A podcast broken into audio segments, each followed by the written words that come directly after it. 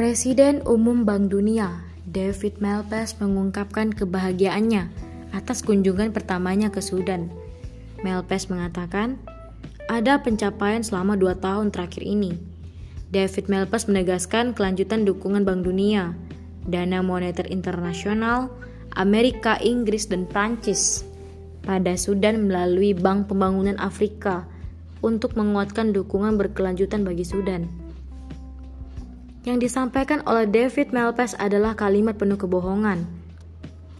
Yang ada di Sudan sekarang adalah banyaknya seruan dan tuntutan untuk berotonomi dan meminta hak untuk menentukan nasib sendiri. Bank Dunia tidak memasuki suatu negara pun kecuali untuk membuatnya miskin. Bukti itu sangatlah berlimpah dan hampir tidak terhitung. Kebijakan Bank Dunia sering melayani perusahaan-perusahaan multinasional Sedangkan yang terkini, fakta menunjukkan bahwa pinjaman pada negara-negara miskin dengan tujuan pengembangan dengan berbagai persyaratan yang aneh Tujuan utamanya adalah menundukkan rakyat negara tersebut untuk kemaslahatan Amerika dan Eropa.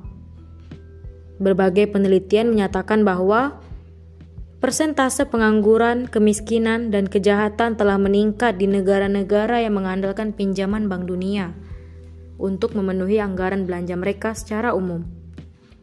Sebagaimana halnya Bank Dunia yang belakangan ini mengandalkan masalah penunjukan para menteri dan pemimpin pemerintahan, peraturan pemilu, dan partai-partai, mendukung gerakan LGBT dan hal-hal lain yang telah terlihat aneh di mata rakyat wilayah tersebut.